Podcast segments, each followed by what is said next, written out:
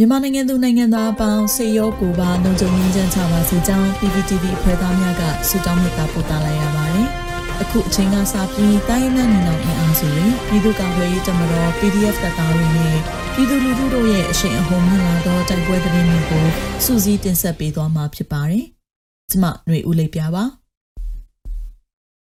ပထမဦးစွာမော်ခီကျေးရွာရှိစစ်ကောင်စီစခန်းကုန်းကို KNL ပူပေါင်းအဖွဲ့ကတိမ့်ပိုက်ရာစစ်သား၈ဦးသေဆုံးပြီးလက်နက်ခဲယမ်းအများအပြားတင်စီရမိတဲ့သတင်းတင်ဆက်မှာပါ။ကရင်ပြည်နယ်မြဝတီခရိုင်ဝေါ်လီမြို့နယ်ကွဲ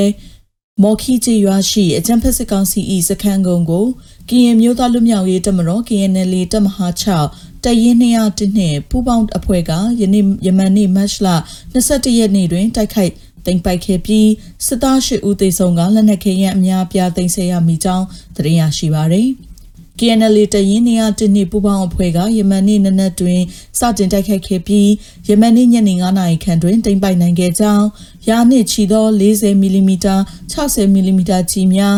RPG ဘုံသီးများနှင့်လက်နက်ငယ်ကြီးစံများတင်ဆက်ရမိကြောင်းသိရှိရပါသည်။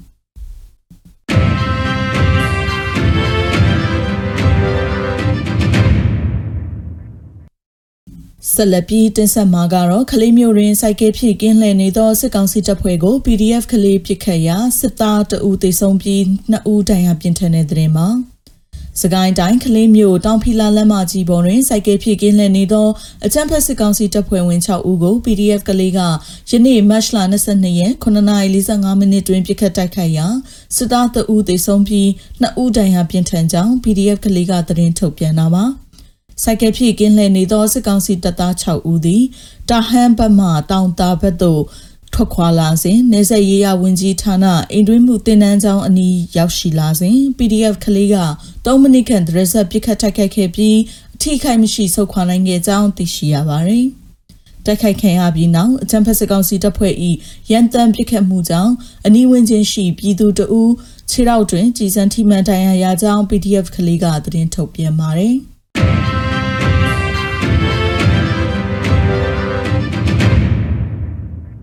တကောင်စီယုံမှာစစ်ဆေးဆရာဝန်နှင့်လုံခြုံရေးအဆောင်ရဲတက်ချက်လိုက်ပါလာသောကားမိုင်းဆွဲတိုက်ခံရပြီးတည်ဆုံတဲ့သတင်းဆက်လက်တင်ဆက်မှာပါ။စကိုင်းတိုင်းထိကြိုက်မြို့နယ်တကောင်စီယုံမှာစစ်ဆရာဝန်တဦးယနေ့တရုတ်နီကဲစေယုံသို့အသွာလန်တွင်မိုင်းဆွဲခံရပြီးအတူလိုက်ပါလာသောရဲတက်ချက်သားစိန်နှင့်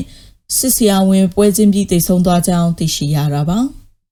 မတ်လ21ရက်ည8နာရီခန့်ကမောင်းကုန်းကျေးရွာအနီးဆွဲမိုင်းရှလုံးစင်၍တိုက်ခိုက်ခဲ့ခြင်းဖြစ်ကြောင်းစစ်ဆေးဆရာဝန်လိုက်ပါလာသောမက်2ရင်ဆိုင်မိုင်းဆွဲမှုကြောင့်ပျက်စီးပြီးစစ်ဆေးဆရာဝန်နှင့်ရဲတပ်ချက်သိဆုံးသွားကြောင်းရင်းနောက်မိုင်းဆွဲမှုကိုလာရောက်စစ်ဆေးသောစစ်ကောင်စီတပ်များကိုလည်းထပ်မံတိုက်ခိုက်ခဲ့ရာစစ်သားလေးဦးဒဏ်ရာရရှိပြီးနှစ်ဦးမှသိဆုံးဖွယ်ရှိကြောင်းသိရှိရပါသည်။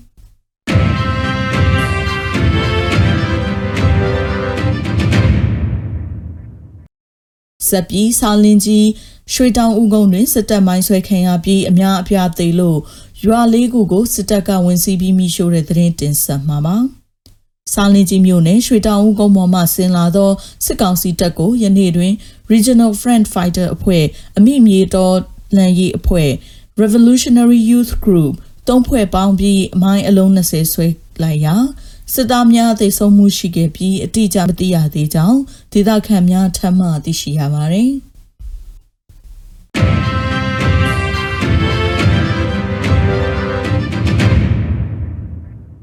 နောက်ဆုံးအနေနဲ့အမျိုးသားညီညွတ်ရေးအစိုးရပြည်ထောင်ရေးနဲ့လူဝင်မှုကြီးကြပ်ရေးဝန်ကြီးဌာနက2022ခုမတ်လ22ရက်ရက်စွဲနဲ့ထုတ်ပြန်တဲ့ပြည်သူ့ခုခံတော်လှန်စစ်တရင်ချက်လက်တွေကိုတင်ဆက်ပေးသွားမှာပါ။ အာနာသိန်းအကြံဖက်စစ်အုပ်စု၏ပြည်သူလူထုအပေါ်အကြံဖက်ဖိနှိပ်ဖန်ဆီးတိုက်ခိုက်တပ်ဖြတ်နေမှုများကိုပြည်သူလူထုတရက်လုံးကအသက်ရှင်သန်ရေးအတွက်မိမိကိုယ်ကိုမိမိခုခံကာကွယ်ပိုင်ခွင့်ရပြည်သူ့ခံစစ် People Defensive War ကိုဆင်နွှဲလျက်ရှိပါတယ်။တရင်ချက်လက်များအရာ21ရက်3လ2022ရက်နေ့တွင်စစ်ကောင်စီတပ်ဖွဲ့ဝင်53ဦးသေဆုံးပြီးထိခိုက်ဒဏ်ရာရရှိသူ9ဦးအထိခုခံတိုက်ခိုက်နိုင်ခဲ့ပါတယ်။ စစ်အာဏာရှင်စနစ်မြန်မာမျိုးပေါ်မှအပြည့်တိုင်ချုပ်ငြိမ်းရေးနဲ့ Federal Democracy တည်ဆောက်ရေးအတွက်ငြိမ်းချမ်းစွာဆန္ဒပြသည့်လူထုတပိတ်တိုက်ပွဲများကပြည်내နဲ့တိုင်းဒေသကြီးများမှာဖြစ်ပွားပေါ်ပေါက်လျက်ရှိပါတယ်။မြေပြင်မှာယခုတွေ့ရတဲ့အချက်လက်များထက်ပို၍ဖြစ်ပွားနိုင်ပါတယ်ရှင်။